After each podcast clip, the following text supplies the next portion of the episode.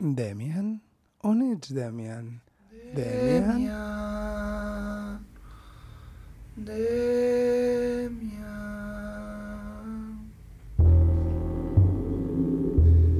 Quan tot està perdut, quan les cendres de la nostra civilització són el paisatge perfecte d'un futur distòpic, quan la humanitat és només un record i el futur està més present al passat que no pas al futur, tres éssers postapocalíptics en un desert de pols desconfiadament es miren pensant qui serà el primer a dir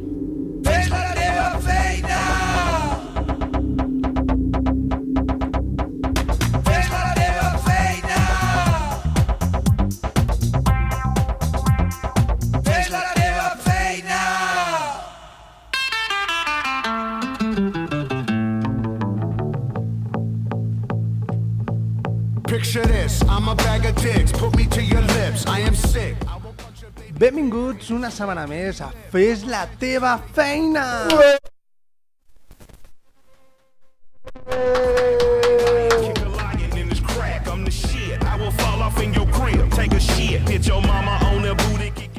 Un programa copresentat per Aitor Pérez i Demian Recio. I avui els controls tècnics jo mateix, Alejandro Cortés. ¡Ay, botón de pánico! While it wrecks, screaming, yes, I am guilty, motherfuckers, I am death. Hey, you wanna hear a good joke? Nobody speak, nobody get choked. Abans de començar, hem de recordar que ens trobareu a la web de Ràdio Pista, al nostre e-box i al Twitter, al Facebook, sempre buscant Fes la teva feina, on pots deixar la teva opinió, contestar la pregunta de la setmana i, el més important, fer-nos saber si t'ha agradat molt. Tens alguna que dir? A mi m'ha agradat molt. Sí? Aquesta setmana què? M'ha agradat molt. Sí? I tinc alguna que dir. Puc, puc presentar? Em sembla que faré servir aquesta, aquesta, aquest, aquest programa de ràdio per, per fer la meva plataforma de, de, de condols i felicitacions a familiars i amics. Vale. Puc fer-ho, això? Sí, Com a sí, sí, sí. podria ser la secció de felicitacions de... de... Felicidades, Aitor. Vale. Avui vull felicitar a l'àvia Rita, que compleix 89 anys, que és l'àvia de la meva dona, i, i bé, felicitats, àvia Rita, 89 anys. Molt bé, Moltes felicitats. sí, sí. També t'has de recordar que tenim el, el resum de la, setmana, de la setmana passada, no de la setmana que ve, sinó d'aquesta setmana passada. Perquè si fos el resum de la setmana que ve, Què? seria que has viatjat en el temps. Eh, I crec que això, sí. això mola molt, tio. sí. Jo crec que sí, però espera un minut, que el buscaré i te'l poso en seguida, val? Molt bé. Eh, també hem de recordar que avui no ha vingut el nostre amic Demian. No hi és en Demian, no No sé. hi és en Demian. Per què no hi és en Demian? Em sembla que estava en un concert. O ha bajado al Averno. ¿A dónde? Al Averno. ¿Qué es eso? Bueno, una part molt fosca del món. Ah, mal rotllo. Bueno, comencem amb el... Ai, comencem amb el resum? A veure què tens per resumir. Vinga, va, que vull.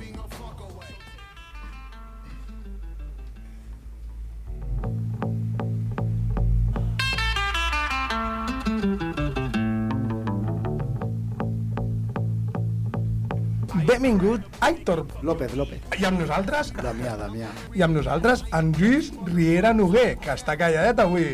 Puc saludar les meves filles? Saluda. I això és un somni fer realitat. Felicitats. Sí. Algú més? No, jo estic sol. Per cert, Aitor, tens un vot, he sigut jo. Ah, m'has votat tu. Sí. En Demian té vots? No. No, mai que hauré tan baix. Tres és multitud. Hem de ser un Sergei Buzka. Potser aquesta és la raó per la qual em sento tan trist. La ignorància és felicitat. I punto. I jo volia parlar de producció mecànica Però jo vull acabar ràpid i escoltar, i escoltar l'Aitor. a l'hora del bocadillo. Ai, No es va tallar el... Les orelles. Lo guapo d'això és La meva parella no m'entén. no et preocupis. En l'esquin tu, Esquinto és aquí, cervesa, a Mallorca. ara m'és igual. I ara menjo espinaques. El colesterol alt i... Así me gusta. Bueno, no. A mi m'agrada el secret ibèric. I jo també estic molt bé. Amb una ampolla de vi a la mà, se puede ser raro, però no te passes, no? No, eh, no, no, no. Ara arriba Charles Mason. Són vegetarians i molts hippies van morir de sobredosis anant cap a la Índia per realitzar-se i tota la història. Ah, no, bueno, clar. Que venga mis papis! Exactament. Sí, ho necessito, eh, ho necessito. No, Tu sabràs. i estan muy bien. Jo és que no entenc res de música, Ah, molt No és gràcies, broma, home. eh? Bueno, no hi entenc, de, no vull parlar perquè no entenc d'aquests temes. pues sí. Oscuro, como yo, sí, però uf, tampoc funciona. perquè- Sonríes. I És que no podia ser d'una altra manera. Llavors els monstros es, es tornen bons, està sent un programa més sèrio, no? Dins d'aquest món sòrdid, no? Ho he tret de la Wikipedia. Això ho heu entès? Ara sí, eh? No, no, és que tu tens que parlar avui. A mi m'ha agradat.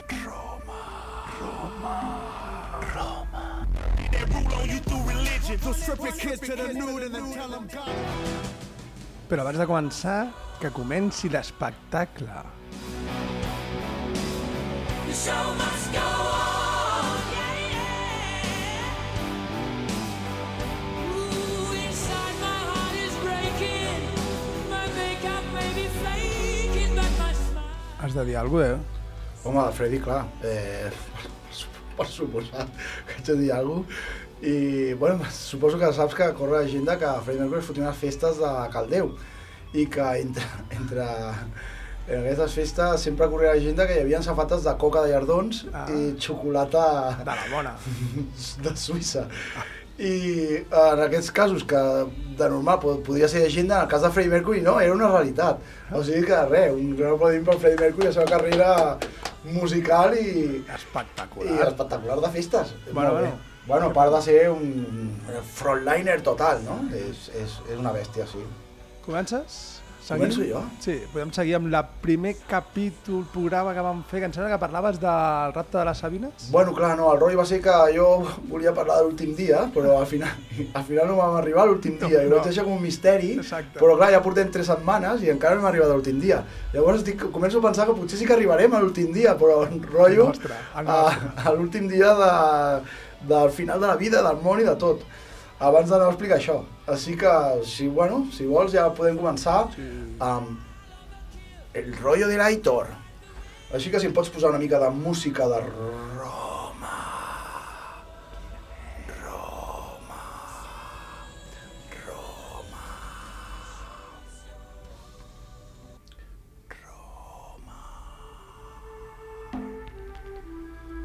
Bueno, Àlex, no sé si t'has adonat, però és la tercera vegada que poso aquesta cançó a la ràdio. Porto tres dies venint i poso aquesta cançó, Ho- ho que marca, crec eh? que ja em seguirà fins al final dels meus dies. Crec, crec que ho marca, eh? Però la vaig a presentar, de normal no presento les cançons perquè aquesta la presentaré després de tres dies posant-la i aquest és un grup que es diu Son Around i que, i que tenen un disc d'actualitat que es diu Ancient Roma i que parla de l'antiguitat fent aquests sorolls electrònics i de més que és molt típic d'allà de, de, de Roma i un cop que entrem en matèria deixarem que soni aquesta música de romans per, per adentrar-nos a l'època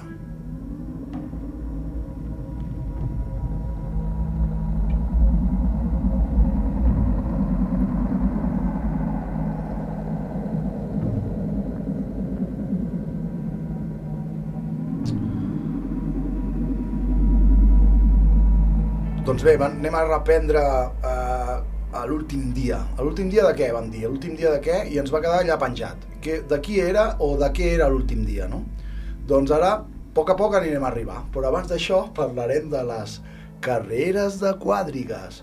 I parlarem de les carreres de quadrigues, però parlarem de les carreres de quadrigues de l'antiga Roma i de l'imperi bizantí. Perquè també hi ha la, de, la, les carreres de quadrigues dels grecs, però aquestes me les guardaré per un altre dia. Segur. Sí, segur, perquè els grecs és per, per donar menjar a part, eh? És una altra... Una altra Eh? història, no? És, bueno, és, sí, deixem aquí. És una altra història, molt bé.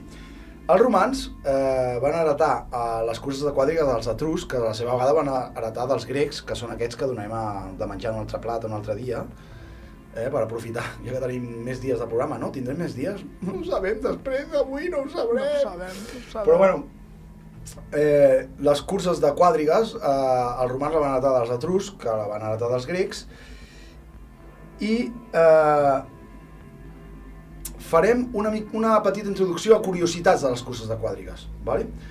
Parlarem, per exemple, que el lloc més important on es van fer aquestes curses de quadrigues va ser el Circo Máximo.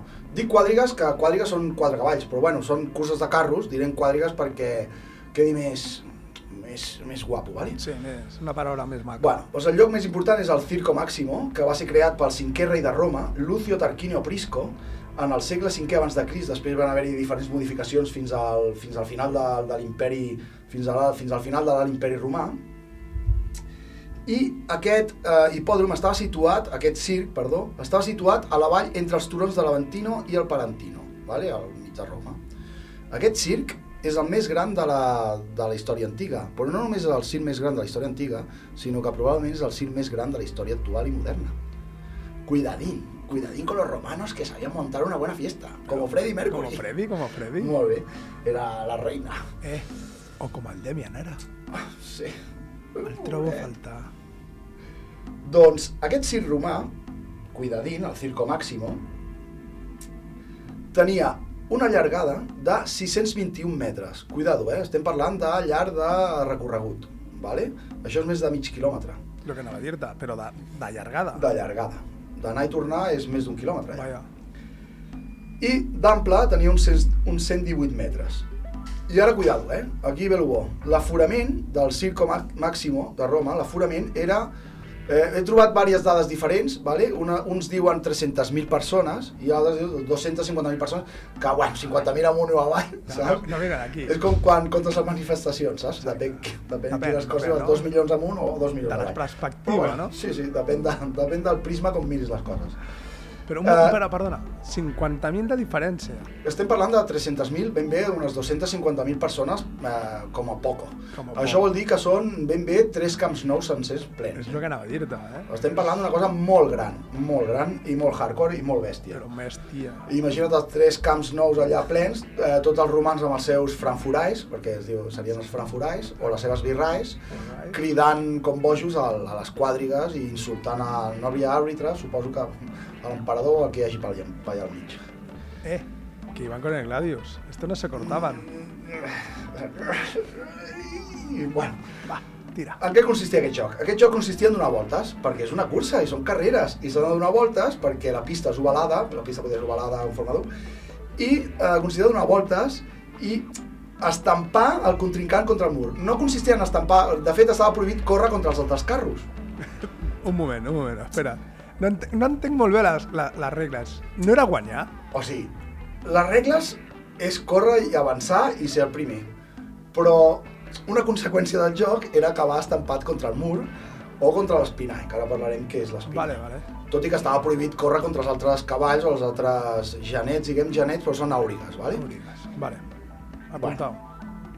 Eh, les voltes es feien al voltant d'un espinae, que es deia, espinae o euripus, que és una mena d'agulla que hi havia punta, hi havia dos, ¿vale? entre punta i punta de l'òval o la forma d'U de l'hipòdrom. ¿vale? Eh, en època romana es va fer un mur, ¿vale? que després estava decorat amb obeliscos i de més, bueno, i diferents art romà i de, eh, representacions de cavalls i d'àurigues i de més, que aquest mur servia per donar una mica més d'intrínculis a la carrera. Per què? Perquè tu estaves a la graderia i no veies el que succeïa darrere del mur a l'altre costat. Llavors tu, el teu, el teu equip Sí. eh, anava primer i a la segona volta el teu equip, quan veies que girava la curva, potser ja no hi era, havia desaparegut. Què havia passat? Ah! Doncs eh, era una cosa molt bèstia, perquè feia aquelles corbes, quan, quan Sí. arriben al final de la corba, ho agafaven a molta velocitat i a més has de pensar que els carros aquests portaven un eix, només un eix. Això què vol dir? Que és una mena de fuetada molt bèstia, Sí. rotllo látigo, Sí, vale? sí. i el carro, pues, imagina com surt, no? Dispara. Vale, però dispara, en, en aquests moments estic pensant en la pel·lícula Ben Hur. em sembla. Ben Hur és, és, és, és, és la representació, tot i petites coses, Vale, vale, petites coses, però Ben Hur és la representació, representació total d'aquestes curses de quàdriques. Ara fa poc m'he assabentat que, que a França, al, al departament de Bandea, es fa una representació de carreres de carros romanes en el circ i clar, he vist fotos i tal i bueno, que me guarden una entrada quan pugui aniré, sí, sí. Dos, eh? Dos vols una per tu? Sí, sí. Agafa't el Frankfurae, que anem cap allà. La birra, I birra ice, no? Molt bé, seguim aquestes, seguim amb aquestes curiositats. Uh, es feia servir un mecanisme, vale? Es feia servir un, un mecanisme de comportes anomenades carceres, que això servia perquè tots els carros sortissin a la mateixa hora, o sigui, sortissin tots a l'hora i no hi hagués un avantatge. Aquest mecanisme l'accionava l'emperador o mecenes, que el mecenes era el que pagava les curses i a més, vale? Sí. i que aquí suposo que van sortir els primers vídeos vídeos d'aquests de riure de, de la tele, no? El, el, perquè podem recordar aquestes, aquestes menes de carceres, era com unes, unes reixes no sé si hem vist curses de motocross i això, Ah, ah, quan sí, s'aixequen aquelles i arrenquen, suposo que l'emperador potser si és més graciós, no? Aixeca i torna a baixar, llavors els cavalls queden allà enganxats i fas els primers vídeos de... Los memes, no? Els primers memes. Uh, se'n conserva, eh? Alguna d'aquestes reixes, se'n conserva alguna d'aquestes reixes i per això sabem que existien.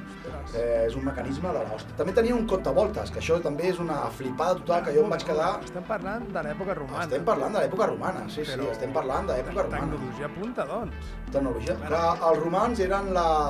eren el, el enginyers totals, o sigui, van fer moltíssimes coses que m'ho guardaré per un altre programa. Vale, vale, no, però vull dir, estàs parlant de coses de tecnologia punta. És que són uns grans enginyers. Doncs pensem que perquè estem més enrere som més llestos, però les coses no van així, amic. Em sembla que va al revés, eh? Estem de capa caiguda No, total. no, estem anem cap a baix, sí. Estem, no, no estem tornant, estem...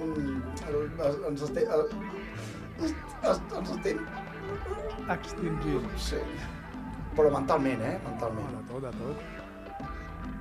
Bé, Segueix, segueix. aquestes curses Vale. Bueno, ara et parlava això del mecanisme aquest que feien per servir per comptar les voltes. Pensa que això era un mecanisme, hi havia una mena de, de, de canal d'aigua on feien caure una mena d'ous, una, una mena d'escultura en forma d'ou, i aquests ous, a mida que anaven passant voltes, anaven caient, i això servia perquè el públic sapigués les voltes que portaven.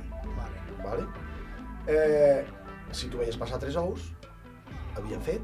Tres voltes? Molt bé, Àlex. Eh, Esas Molt bé. mates. Doncs bé, Però, un, un moment. Tres voltes amb una mica de sort, no? Diràs, perquè si no anaven contra Sí, la sí, paret... sí, sí, cuidado, ara arribaré a Ok, aquest punt no? perquè és bastant hardcore. Vale, vale. Eh, les curses podien ser de 12, 7 o 5 voltes, sent les de 7 voltes la Champion League de les, de les curses de quadrigues. Vaja. Podrien ser, i ara ve això del rotllo de les quadrigues, que podrien ser de dos cavalls, que serien bigae, es deien bigae, o de quatre cavalls, que eren quadrigae, que eren les quadrigues. I després hi havia el flipat de torn, que per fer, per fer veure el seu, la seva destressa, vale? doncs feia aquestes curses amb 10 cavalls En 10. amb 10 cavalls, clar, hi havia curses algunes de 10 cavalls. El que passa que era absolutament estrambòtic perquè imagina't controlar 10 cavalls, potser 12 o 13 carros sobre la pista, era una bogeria total. I controlar un carro de 10 cavalls és... Amb un sol eix. O sigui, la teva... La teva... Bueno, que no pots. No pots, no pots. Pro- Probablement acabis mort. Mort, La no. teva esperança de vida, això anava a dir, mm, Era corta. a sobre de 10 cabells i podria ser bastant curta. Després les curses, eh, en les curses, els romans hem de pensar que eren molt ociosos, els agradava molt la marxa, la festa, com a Freddie Mercury. I eh, les quadrigues, o sigui, existien, a, la, a les curses de quadriga existien apostes i feien extorsions d'àurigues. Vale? Es podien extorsionar els àurigues. Els àurigues arribaven a ser professionals. Vale? podrien ser professionals. De fet, hi havia una, professi- una professionalització eh, en els àurigues. Aquesta cançó m'ha saltat, però bueno, no passa res, no? Ja la posarem un altre cop. I arribarem enrere. El temps, el temps és hora a la ràdio, eh? Molo. Vale, doncs vaig a posar, vaig a pujar a sobre de la meva quadriga Sí, i sí. vaig avançar. Podem puja. tornar un altre cop a la cançó de, de les curses de quadrigues? Sí o no? la primera? Posem l'ambient, perquè si no em trenques el, el, el misteri que hauria de desvetllar. Vale. Molt bé. Sant Tornevi. Començo de nou? No, no fa falta, no, no? Ara vaig a posar el turbo, vale? Vale. Molt bé. Els àurigues vale, podrien ser extorsionats. Els romans eren molt ociosos, els agradava molt apostar i els agradava molt la festa i, i els agradaven molt les apostes. Vale? Aquests àurigues podien ser professionals tot i que eren esclaus. I sent esclaus, guanyant moltes curses, podien pagar la seva llibertat i convertir-se en libertos. Vale. Pensem en aquests àurigues com, a, com el Messi de torn d'avui. O sigui, era un, un tio que era molt famós, que el coneixia tot l'imperi romà, i l'imperi romà, cuidao, que era molt gran, sí. vale? I, i fins i tot els cavalls també eren molt coneguts. Vale? D'això es portava una estadística, uns controls de races, es portaven unes dades que, bueno, que estan recollides. Vale? Àurigues, es diu àurigues perquè a, la, a Grècia el que portava el carro, la túnica que portava es deia àuriga i els romans bueno, van agafar aquest terme per... per, ¿Para, para qué inventarnos una palabra nueva? Molt bé. Els àurigues romans, no els grecs, eh? Els romans portaven casc, portaven proteccions, etc, etc. O sigui, era molt semblant al que seria un corredor de, de Fórmula 1 de, del moment. Vale? De fet, la, la, la febre de l'estadi i tot això rugia com, com, com un circuit de carrers de Fórmula 1. Estàs parlant de, de 250.000 persones. Sí. Eh, tiene que dar miedo. Mm, mucho miedo. Mucho, mucho miedo. Els àurigues Tira, tires. romans portaven les regnes del carruatge lligades a la cintura. O sigui, si un cavall o un carro o s'anava a Norris i ell saltava pel carro, clar, aquest senyor era arrossegat per la pista per a, per a jubileu de tots els, les 250.000 o 300.000 persones que suposo que devien cridar "Eh, Bravo, bravo! i ells mateixos portaven un ganivet per poder eh, Tallar. tallar les regnes i poder alliberar-se, Però- que suposo que deu ser també un ui, ui, fins que es deixés anar. I una pregunta, el gabinet on el portaven? Bona pregunta, bona pregunta. No, t'ho dic, no, dic perquè me'ls estic imaginant damunt del carro lligats amb, amb, les, amb, amb les, el que has dit, vale? i, hòstia, i on porten el gabinet? És que no entenc, no sé les mans. És que t'apegues una pinya amb allò i no I, penses en el Bueno, estàs gabinet. cordat, busques la cintura i intentes tallar, clar, amb el moviment i xocant amb els altres cavalls, trepitjat per un altre carro, estampat contra un mur... Sí. Bueno, Sí. Seria... Seria divertit. allò- De fet, ara t'explicaré que uh, l'àuriga, un dels àurigues més, més famosos de l'època, era Scorpus, que va guanyar 2.000 carreres abans de, abans de morir Espera, en una col·lisió. no tenia àvia, no? No, no, no, no 2.000 carreres, 2.000. tot això són registres Però fidedignes, eh? No, no, bueno, no estem de conya, no. sí. Aquest era un megacrac, era el Messi de, de, de, de l'època. Espera, calcular 2.000 carreres. Sí, sí, sí. El que passa que no va saber treure el ganivet a temps i eh, en una col·lisió va morir als 27 anys. L'esperança de vida d'aquesta gent era minsa, era res. Res. Ara, com a última curiositat, faré, bueno, encara, encara ja ens arribem a l'últim dia, Vale, vale. Eh, farem una, un petit parèntesis de filologia i hem de dir que quan, quan el carro o l'àuriga quedava incapacitat, s'anomenava que era un nafràgia, en llatí, que la traducció de- de- d'avui dia seria un, bueno, en català, un nafragi. Llavors, clar, és, no, no et sembla divertit saber d'on venen les paraules? A mi sí. A mi m'encanta. Sí, sí, sí, sí, completament. Doncs pues això.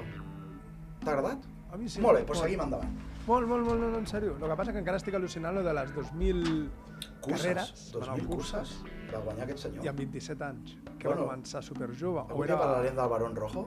Eh? Algun dia parlarem del Barón Rojo. Algun dia, algun I també dia. és un otro de los... Sí, sí. eh, Bueno, Neró, que va ser un gran aficionat. Neró sabem qui és, eh? Uh, ja en parlarem de Neró, vale? Anem, Però agafem, la, la- agafem la via àpia i tirem endavant, perquè si no no arribarem enlloc. Neró, que va ser un gran aficionat i que fins i tot va guanyar una cursa a unes Olimpiades, potser el van deixar guanyar. No se sabe. No se sabe, potser sí. A lo millor Com era portava dos emperador. gabinets. Va establir quatre faccions. Què vol dir això? Va fer quatre equips. Vale? Sí, sí. Tertuliano, cuidado, eh? Tertuliano, Quinto Septimio Florente Tertuliano, que va ser el pare de l'Església, un dels pares de l'Església, de la fundació de l'Església, a més, i un teòleg, vale? eh, del cent, aquest, el segle segon, bueno, aquest senyor eh, va separar aquests, aquestes quatre faccions en quatre colors. Ho explicaré com si fos una, un partit de Kiddish, de Harry Potter, Ah, vale. per, per tots els millennials. Ah, aquí, aquí, perquè ho sàpiguen. Molt bé. Estimats millennials, això per vosaltres i per la meva filla Lia, que li encanta Harry Potter. Molt bé. Bueno, uh, aquest Tertuliano va separar aquests quatre en quatre colors, ¿vale? Bueno, va parlar d'ells en, en escrits on, on trobem això, en quatre colors. Hi havia els vermells, que serien Gryffindor, Ah, que estaven dedicats al déu Mart. Hi havia els blancs, que seria Hufflepuff, que estaven dedicats als déus del vent. Hi havia els verds, que seria Slytherin, dedicats a la mare terra. I hi havia Ravenclaw, bueno, els blaus, que serien el cel, dedicats al cel i al mar. Hem de pensar que els romans eren bastant supersticiosos i totes aquestes coses la portaven bastant, s'ho creien bastant, eh? Aquests s'ho creien no, no, bastant. aquesta part et puc creure perquè hi ha escrits d'aquests guapos, eh? Ara una cosa, aquestes faccions es van conservar a l'imperi bizantí, o sigui, molt després encara seguien i es van acabar fusionant en dos. D'això ja en parlarem una mica més endavant. I, o sigui, es van acabar, aquestes quatre faccions es van fusionar eh, finalment en dues faccions, que eren els blaus i verds, Slytherin i Ravenclaw, vale? i van començar a guanyar molta influència dins de la vida militar, política i teològica. Vale? Podem recordar una mica el palc del Real Madrid? Bueno, pues, seria una mica això, no? Eh, aquestes eh, faccions van, bueno, van acabar sent com una mena de bandes callejeres i sent responsables de molts aldarulls, robaments, assassinats i de més que es van prologar durant tot el segle V. I ara sí que ens apropem al, ens apropem al últim dia I ara sí, per arribar a l'últim dia hem de viatjar fins a on? Posa'm, si us plau, la segona cançó. La segona. Dentro. Agafarem el DeLorean, perquè si has de viatjar en el temps, ho has de fer amb estil. I viatjarem fins a on? Escoltem aquest... es- Escolta, escolta, que sabràs on, on viatgem.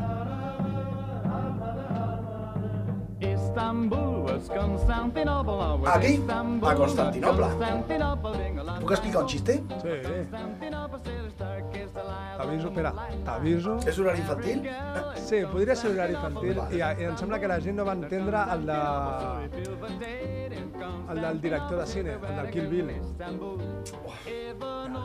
Bueno, m'estalvio aquest darrer coble, per allà farem un, un, no? una hora golfa per explicar el xiste de coble. Bueno, abans d'arribar a Constantinople, abans d'arribar a l'últim dia, farem una, una breu introducció, una altra breu introducció per arribar a l'últim dia. Vale, vale. Viatjarem concretament a l'any 532 després de cagar-la, o sigui, després de Cris, en el mes de gener, a les 6 o les 7 de la tarda, vale? Bien. Sí, Eh, a les és 6.38, específic, no, no. 6.39, eh, més o menys, vale? Ah. Eh, per aquesta època regnava l'emperador Justinià I, vale? I Justinià I, emperador de l'imperi romà d'Orient o imperi bizantí, on també hi havia curses de quadrigues i seguien existint aquestes dues faccions. Que estrany, no? Eh, I a més, no només existien les curses de quadrigues, sinó que a més eren molt més importants. I per què eren molt més importants? Perquè Teodosi I va suspendre les llutes de gladiadors, cuidao, eh? Perquè les va trobar una mica bàrbars i, i poc cristianes. Que deus, penses, home, vols dir? Jo crec que per O lo sigui, de cristià, eh? Lo de la sang, aquestes coses. no els hi agrada? Bueno, després pensa que van aniquilar els càtars sense cap mena de problema i la Inquisició també va fer de les seves. Suposo que els cristians de després no, no. No. no pensaven, no tenien el mateix concepte de coses bàrbars, no, no, no. no era el mateix, no? Em sembla que no. I ara parlaré una mica de l'hipòdrom de Constantinople per veure una mica, no?, uh, per veure on estem. L'hipòdrom de Constantinople, que està a Estambul, a la- l'actual Estambul, vale? i que actualment està a la plaça del Sultan Hamed. Vale? Es pot visitar, hi ha dos obeliscos, de, un de Teodosi I i un altre de Constantí, que pots abraçar i arrimar la cebolleta allà. O sigui, cuidao, eh? I encara existeixen, està allà. I va ser, penseu que, que Constantinople era la ciutat més gran de, en aquell moment, ¿vale? Aquest hipòdrom, aquest hipòdrom ja es va construir en època, en època de, quan la ciutat es deia Bizanci, construït el 203 després de Crist per l'emperador Sèptimo Severo. Ah. Com devia ser Sèptimo? Eh, un poquito severo. Molt bé. Aquest hipòdrom tenia forma d'U i tenia 450 metres de llarg i 130 metres, 130 metres d'amplada. Eh, petitet. I una, doncs. era més petit que el Circo Máximo, sí, sí. I una capacitat per unes 100.000 persones. Bueno, està bé. Eh, que te griten 7.000 persones. que te griten. Aquest hipòdrom eh, va durar fins a la quarta creuada, vale? això que parlàvem dels cristians, que no tenen el mateix concepte de- No. d'això, fins al 1204 de, després de Crist, i va ser saquejat per aquests creuats que es van endur eh, una escultura de bronze de dos parells de, De de bronzes, vale? de- d'època de, de Constantí I, d'una quadriga, o sigui, dels quatre cavalls. I aquestes quatre cavalls es conserven a la plaça, a la, perdó, a la plaça, a la Basílica de Sant Marcos, a Venècia. Saps què? Que jo vaig anar a Venècia. I què? I saps què vaig fer? Tu creus que vaig mirar els quatre cavalls? Tenia 14 anys, eh? Tu creus que vaig mirar els quatre cavalls de No. d'època de Constantí? Jo crec que no. Saps què vaig fer? Vaig anar a un xiringuito i em vaig comprar una bandera de Queen. Ata. Sí? Mira quina casualitat. I una altra bandera de Guns N' Roses. I perquè de cavalls no en tenies. Ni Mm, és que no m'agraden els cavalls en aquella època. No. Ara que- tampoc, eh? Desconfio molt dels cavalls, Bueno, perquè van acabar amb Superman. sí senyor. Bueno, segueixo. Sí senyor. El van fer tirar a terra. Sí. Vaja, no sé. No es devia canviar la roba massa ràpid. Bueno, ara Sí, sí. enganxem una altra dada, tornem a l'últim dia i tornem a l'època de Justinià. Justinià, primer, eh, va estar en guerra amb els perses sassànides, vale? durant molt de temps. I això que això no ho va poder acabar d'aguantar. I va haver de pactar la pau amb aquests perses sassànides. Quan pactes una pau, com fas pactes la pau? No fas com els nens, es dones dos petons i ja està. No, amigo, no. Això van molts diners Mm. i s'ha de pagar, perquè si no pagues, esclavitzo tota la teva població, a tu et passo per la per el filo de mi espada i em quedo tots els teus territoris. O si no, paga. I què fa l'emperador? va pagar. Justinià va, va pagar els perses perquè veia que no podia, sostener, no podia eh, seguir lluitant, no podia seguir amb les seves batalles. Vale? Devia... Què va passar? Perdona, eh? Devia de pagar una pasta llarga. Una pasta llarga, i després una altra, i després una altra, i després una altra. I això què va fer? Això va fer... Què va, què, què va fer? Tu creus que va baixar el nivell econòmic de l'emperador? No. No, per què? Saps què va fer? Pujar els impostos? Molt bé, Àlex, tio. Ve- Veig que estàs molt posat, tio. Sí, sí, va pujar els impostos per a regocijo de tota la població. Eh, i, el, I el van votar. No el van votar, no. No van Ai, poder votar. perdó, eh? Estem a època d'eleccions. Sí, no sé si es pot dir això. Ai, por orden de censo electoral no se puede decir votar. De mi entorn... Votar! Avui no sé si parlaràs, Àlex. Va, és igual. Bueno, Justinià va pujar els impostos per a regocijo Maximus. màxims de, de la població, que no només estaven barallades per aquest motiu, no només estaven amb la moral tocada per aquest motiu, sinó que tenien més, més hi havia més coses, que, que l'ambient feia que l'ambient fos una mica tòxic, vale? Vale. Eh, nosaltres ens en- anirem a les curses de quadrigues, que és on estàvem abans, Sí. vale? i què va passar dins del món de les curses de quadrigues, què va passar? Doncs t'explicaré què va passar. Que aquestes dues faccions que van quedar a l'imperi bizantí, que és on estem, vale? mm, no estaven gaire contentes. Entre elles? Entre elles i contra l'emperador, Vale. pels impostos. Vale. Hi havia, dues, hi havia diferències eh, minces molt petites, entre aquestes les explicarem ràpid, vale? Vale, vale. Eh, els blaus, eh, blaus que eren Ravenclaw, vale? Uh, estaven sobretot, eh, bueno, eh, eren, els seguidors sobretot eren terratinents, aristòcrates, era la línia dura de l'emperador, vale? eh, diguem una, una classe alta, vale? vale. I aquests que tenien, o sigui, teològicament, a la religió, ells creien en Déu i pensaven que Déu, Déu, bueno, la dualitat de Déu, que era home i Déu, vale? i que Déu conserva aquestes, aquesta dualitat, de ser home i de ser Déu. I després hi havia la tendència monofascisme, vale? monofisisme, que era la que seguien els verds, que era una tendència, una rama del cristianisme, vale? que aquests eren comerciants, arrendataris, artesans i de més, que eren una classe més baixa, no? una classe més baixa, que aquests creien en la dualitat de Déu, però eh, la part d'home l'havia absorbit Déu. Vale. I. Déu era tot Déu. Sí, era todo. Vale? Tot Déu, em refereixo amb ell, no amb tota la gent, saps? Era Déu i era Déu, no era home. No, la part d'home ja no la tenia. Vale, vale. Vale? Aquesta era la diferència que dius. En sèrio? Ens hem de per això? ¿Os vais a pelear por esto? Sí, i ara sí, eh? Ara sí que ens apropem a l'últim dia.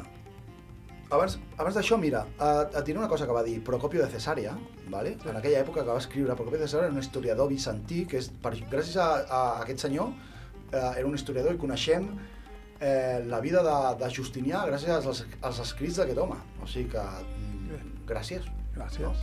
Gràcies. Mm, Gràcies. Que ressoni en un eco i que arribi amb ell a, Allà on allà on estigui. I aquest senyor va dir, Procopio de Cesarea va dir, la població dels, de la ciutat s'ha dividit des de fa temps en dos grups, verds i blaus, un de cada facció. Lluita, lluitaven contra els seus adversaris no respectant ni matrimonis ni parentesc, ni llaços d'amistat, tot i que recolzaven a diferents colors, siguin germans o familiars. O sigui, si la teva dona era de Ravenclaw i tu eres de Slytherin, mm, Mal rotllo. vale?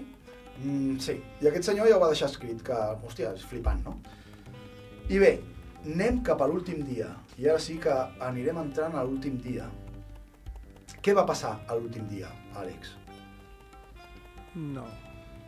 Això podria ser l'inici del hooliganisme, vale? No. d'engorilar-te, del hooliganisme, d'anar a cridar pels llocs i de més. Però brutal. Bueno, aquestes dues faccions que tenien aquests problemes, aquestes diferències, vale? eh, es van trobar i van tenir una trifulca entre aquestes dues faccions. Amb una conseqüència de, eh, que van ser assassinades diverses persones. Llavors, què va fer l'emperador? Va condemnar a mort a dues persones d'aquestes i les va tancar al pretori. Què va passar? Que aquests dos tios aconsegueixen escapar i s'amaguen en un lloc sagrat, on els soldats, la Guàrdia Pretoriana i més, no poden entrar i es queden allà resguardats. Què fa la població? La població surt al carrer, comença a cridar, se'n van al Palau Reial i es, mm, li demanen al senyor emperador que, Però- per les bones, eh? A les bones són... Per les bones, que si us plau alliberi eh, aquests dos eh, amics seguidors. Però si- sin precedentes, no? Es van unir sense precedents. Sí, aquí ja començaven a, ja comencen a dir potser no som tan diferents. O potser no, potser tenim un enemic comú que ens fa que no siguin tan diferents. Que és el bo, és el bo de, de Sí, sí. això. No hi ha res, pots tindre merda, però si tens un que... Un- un amic mm, un a enemic comú. a Això. Bueno, què fan aquests tios? Eh, Justinià, magnànim, diu, bueno, mira, no els condeno a mort, posaré una condena més llarga i de més, els tindré empresonats, però no els condeno a mort. La gent es va alegrar? Em sembla que no. No, no, no. Però Justinià es pensava que sí. I va fer, saps què? Farem unes curses noves, convidarem aquestes dues faccions per baixar una mica els ànims. Ah, mira. Així que Justinià va convocar unes noves curses, va convidar aquestes dues faccions i les va portar a l'hipòdrom de Constantinople. I ara sí que estaven contentes. Al principi semblava que sí, però resulta que en un moment Dime. aquests 30.000 seguidors, que és el que hi havia en aquell moment, o més, bueno, no 30.000, potser n'hi havia més. Bueno, és un número alt, eh? Sí, és un número alt. Es van girar cap a l'emperador i van començar a cridar l'Anicà, l'Anicà.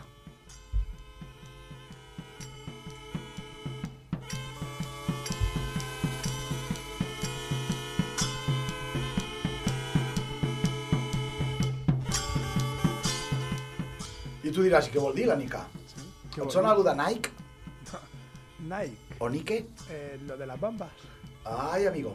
L'Anicà és una deessa grega, eh, deessa de la victòria, i vol dir victòria. Aquesta gent, suposo que es va girar, van mirar l'emperador i van començar a cridar l'Anicà, l'Anicà, però no devien tindre molt bona cara. Per què?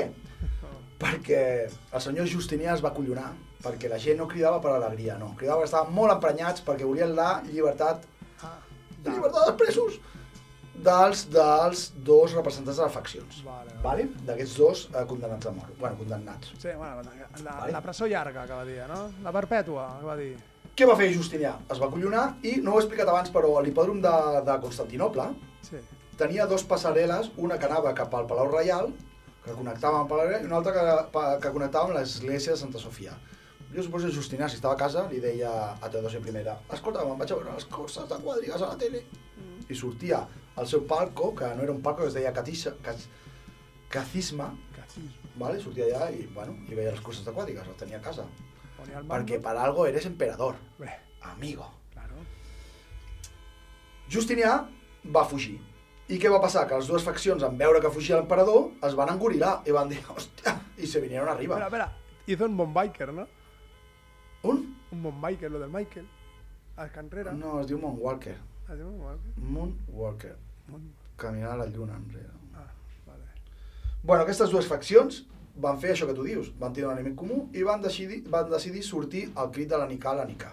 I on van anar per, per, per, per dir, on te vamos? Pues el primer que van anar a fer és a fer realitat els seus desitjos. Així que van anar al Pretorium, que a vegades feia de presó, i després de tacar la guàrdia, mm, passar-la pel filo de Gladius, Ai, ai. i alliberar els dos condemnats, van cremar el Pretorium.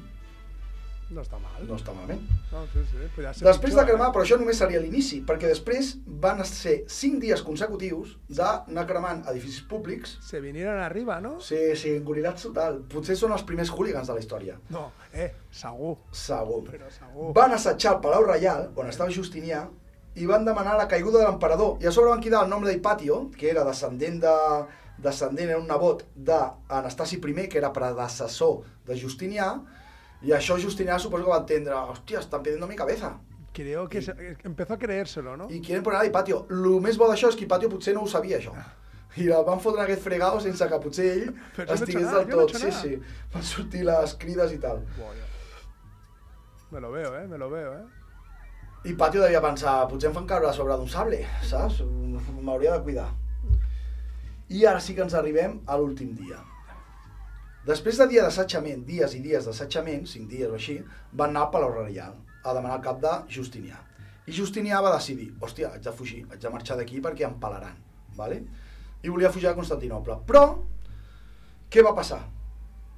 Diga, què va passar? Ara podríem, podríem dir que el terme de tiran más dos tetas que dos carretes, uh, podria, podríem dir que va sortir d'aquí. Jo, bueno, això és una deducció meva, eh, pròpia. Podríem dir que potser és un terme una mica machista, però bueno, com està Vox i tot això que està de moda, Ja. pues venga, Valente. adelante, no? Com que estem blanquejant Vox, pues Sí, venga. sí. Bueno, pues, Eh, però ves en compte que també hi ha carretes i el que estàs parlant tu. Clar, per això. Llavors què va passar? Que Justina, quan volia marxar, la seva dona, l'emperatriu Teodòsia I, el va convèncer de no, de que no, fugi, que no fugís. Per què? Perquè Teodòsia I, cuidado, eh? Justinià va haver de canviar la llei per poder-se casar amb aquesta Teodòsia I, perquè aquesta Teodòsia I era una mena prostituta de luxe, Vale. Con lo qual canvió la llei, no? va canviar la llei per casar-se amb ella. Bueno, hem de pensar que la llei l'escriuen els homes i sempre posen en mal lloc a les dones. Sí, bueno, també. Però bueno. Però també s'ha de dir que en aquella època eh, ser un gran meretriz no estava mal vist tampoc, eh? M'has entès el que vull dir-te? Vull dir que el, el fet de, la, de les cases de dones no estava mal vist, eh? Hi ha Bon. moltes. Sí, sí. Bueno, tens raó. De fet, si aneu a Empurion, ja sabeu que fora de, de, de les muralles de Roma d'Empurion hi ha una bona cigala allà per tocar perquè era un símbol de, De, de, de sort. fertilitat. De sort o De fertilitat? Sí, de fecunditat, que bueno, això és sort, amigo.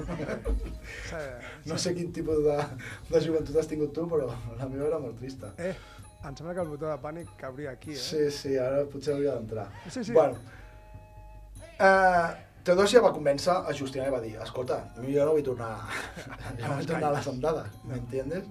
Aquí on poses ordre, o, o, o posa aquesta gent al seu lloc, o malament. I què va fer Justina? Pues com arreglen els seus problemes emperadors, que és, Ni idea. pues crides els teus, els teus generals perquè posin ordre. Perquè, perquè clar, i aquí va cridar, Vale, pues, vale. a més ni menys que Belisario, Belisario era l'últim legionari romà de veritat. Vale? D'aquest ja en parlarem. Vale? Seguim endavant. Vols Perquè, fer incís amb lo de veritat? de veritat. Belisario, Mundus i Narcés. Aquests tres va cridar per negociar a l'estadi en el seu nom. Ah. I què va fer Belisario? Va cridar aquestes dues faccions i va congregar aquestes dues faccions a prop de 30.000 persones dins de l'estadi, de l'hipòdrom, per conversar. Ah, bé. Ell, so, ell solo. Ell, Bueno, ell, ell sol, vull dir... Eh... en un principi. Ah, vale. Quan tenia però reunides- Em refereixo, ell solo de dir, venga, va, quedamos aquí, a cara descubierta... Arribem a l'últim dia. Vale. Bé, amb l'estadi ple amb unes 30.000 persones, entre blaus, Ravenclaw i verds, Slytherins, aquí està, aquesta és la canció dedicada al Demian, Sí. que, bueno, és una picada d'ullet per ell, La... és The Cure, The Cure, i me la guardava pel final, però bueno, escoltem-la aquí. Què va passar? Belisario va reunir aquestes dues faccions, les va posar dins de l'estadi, unes 30.000 persones, 30.000. i aquí, amic, és quan arriba l'últim dia. I tu diràs, l'últim dia de què? Exacte, de què? Doncs l'últim dia d'aquestes 30.000 persones. Oh. D'Hipatio i la seva família, a mans dels gladius romans. Mm. I així és com es van parar les revoltes de la Mica. Mm. Com? A veure, entès, entès el terme Belisario tanca les portes, entren els romans i la conversa s'ha acabat. i punto final, no? Omples l'estadi de sang i la revolta s'ha acabat. Vale, vale. I aquí arriba al final de l'últim dia.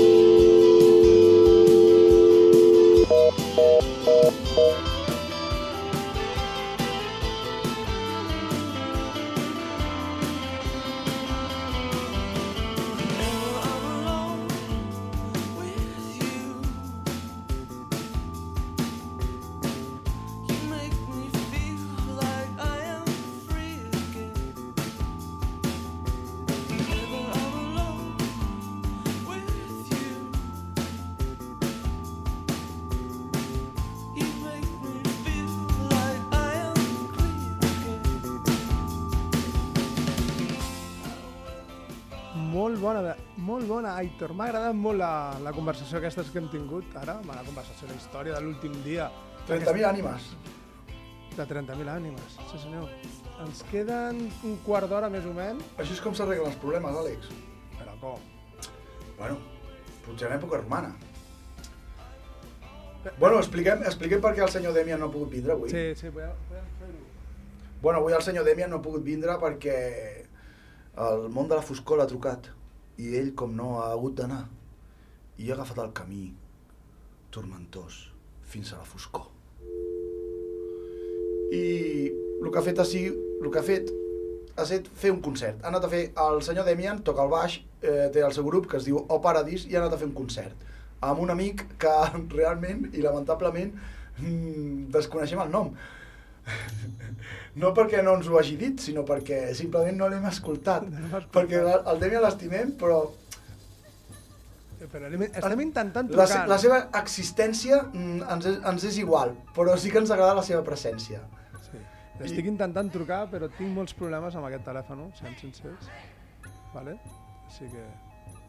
Sembla que no hi haurà... No podrem trucar al Demian. No, no, no, jo no. estava molt interessant perquè li he deixat una guitarra i, volia saber si havien fet algun tipus de sacrifici animal o alguna sobre la meva guitarra i si s'havia tacat de sang o, o alguna víscera. T'haig de dir, de dir que ha contestat, he sentit un què? I em sembla que ell, ell està bé. Ell està bé, està viu, eh? Sí, sí. El que, el, el que, si vols, puc començar a introduir la meva... Fes una, sí, fes una introducció, ja que no podem parlar amb Demian, Sí, jo ja el deixaré per la setmana que ve i que un altre cop parli una hora sencera, no? sí. eh, Pot parlar. No, si vols, jo començo amb la meva història. A veure si aconsegueixo també, perquè estic d'aquí de control tècnic i aconsegueixo canviar una cosa per l'altra. Vale? Però jo et veig molt bé, eh? Sí, de moment sí. Veig que tens una brillantor als ulls.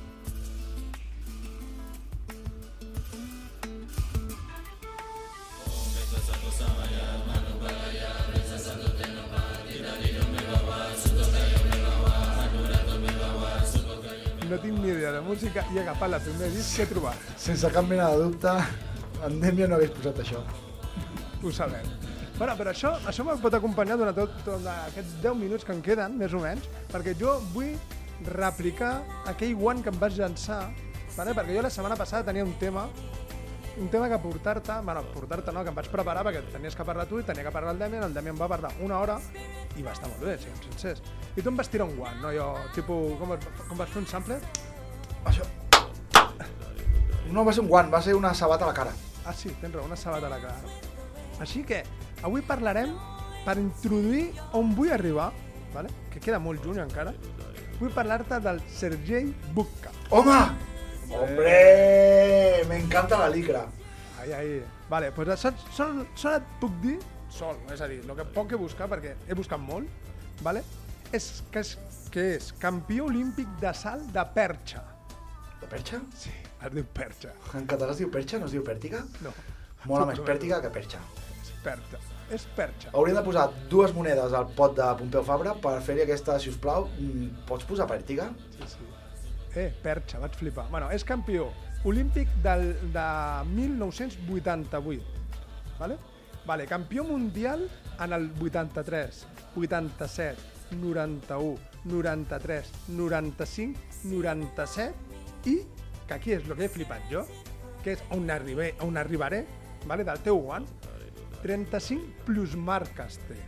Sí, sí, el que et deia, que anava pujant el llistó mica en mica i mica en mica s'omple la mica. Eh. Tu pensa que cada cop que hi ha un rècord, un rècord que cada cop que tu superes un rècord, mmm, te cau un pastidal. No ho sé, si I uns patrocinadors i... No, no.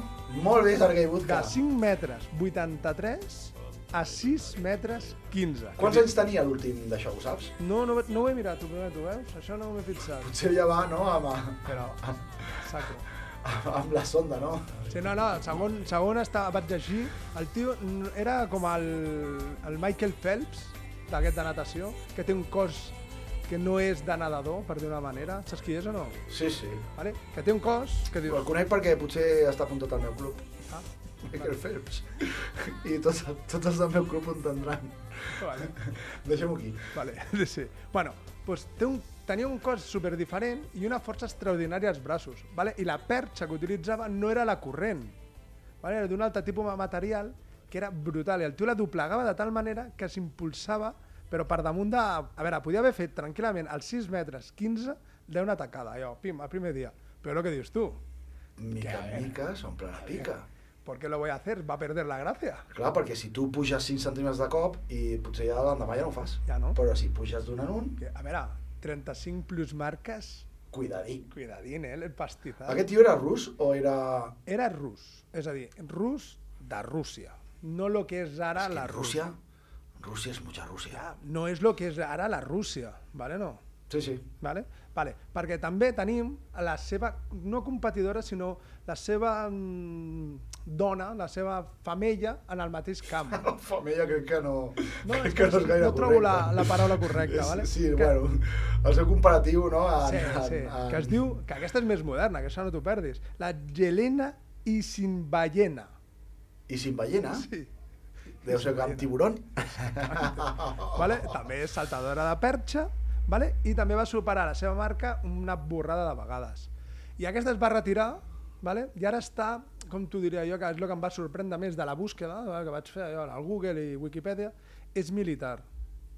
Bueno, clar, efectivament. Què faig? Què faig? Doncs pues me'n vaig a, a fer la mili. Ah, mili, a veure, suposo que deu estar entrenant aquella gent... Puc, puc explicar una anècdota russa? Sí, Em dóna temps? Perquè estàs a la introducció, no?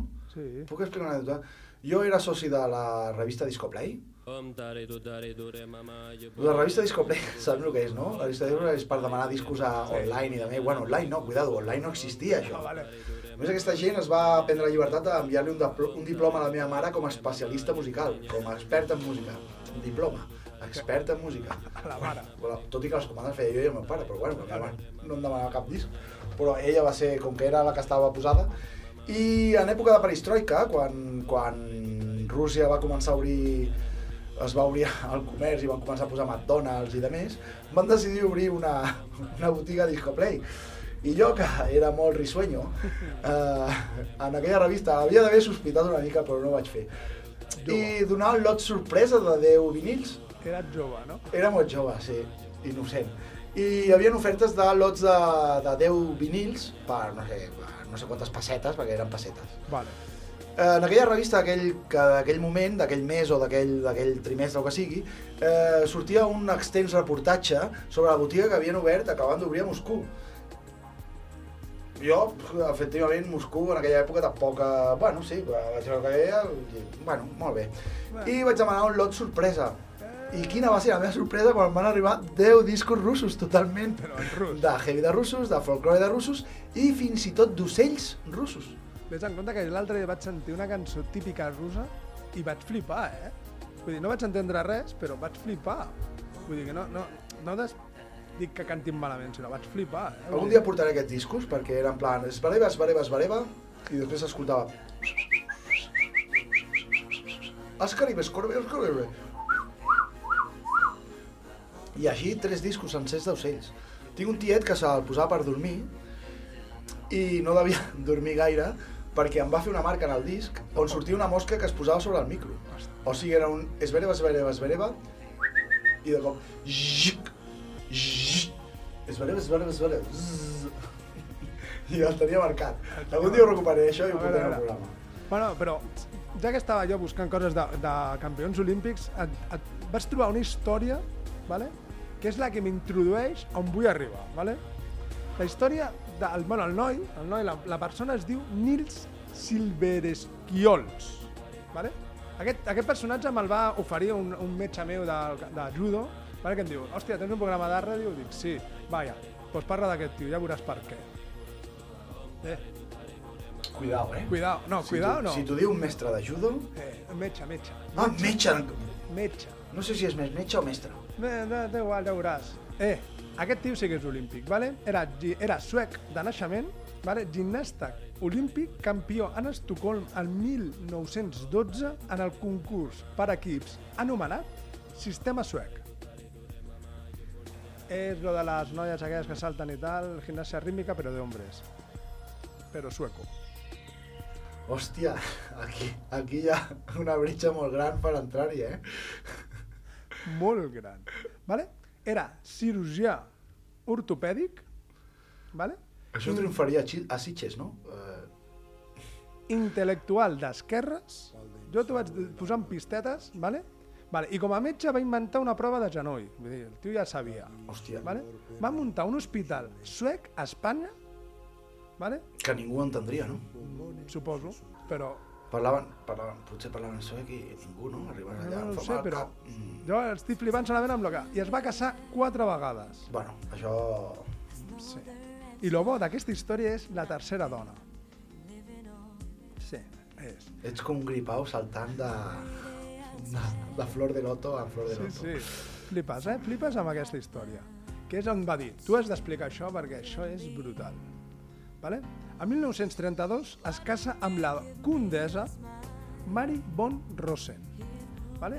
amb la qual protagonitza el fet d'aquesta història. Protagonitza James Bond.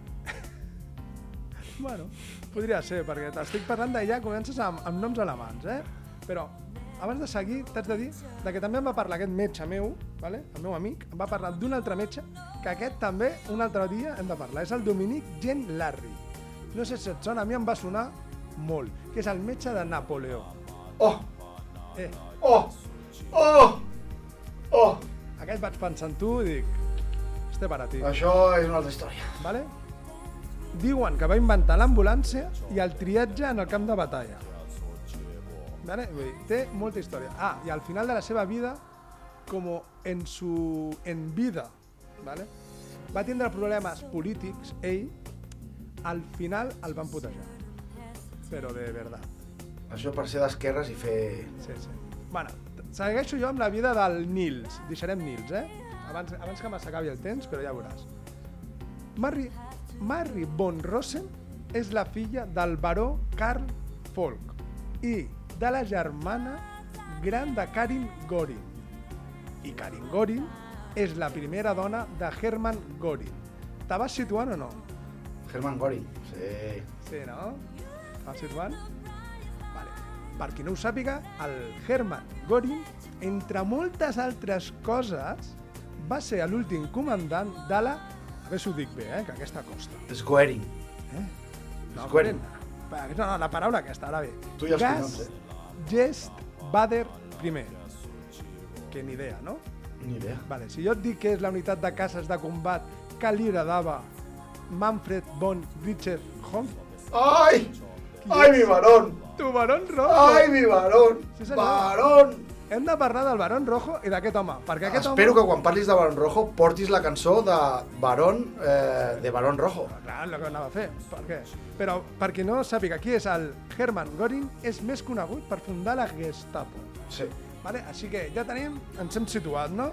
Tenim el, el senyor de la Gestapo, un senyor Nils que es casa amb la, la filla de la germana de la primera dona del, del tio de la Gestapo, vale? i en un sopar entre copes i coses, vale? copes, vi, vi i ahí, en època dels alemans, no direm la paraula màgica, sinó dels alemans, Sí, sí, sí, sí, deixa el misteri. vale, vale? és el moment de fer la, la salutació. Ah, adivina qui no es va aixecar. Jo et dic que, que el Herman sí. I el nostre metge. Sí, però em sembla que es va casar per quarta vegada després. És un motiu molt... Jo crec, jo crec que aquí va ser el motiu. Vale? Sí, sí. Així, i després, ja qui, qui parla de varones, pot parlar tranquil·lament de, de comptes, no? Home, barón i co barones i condes.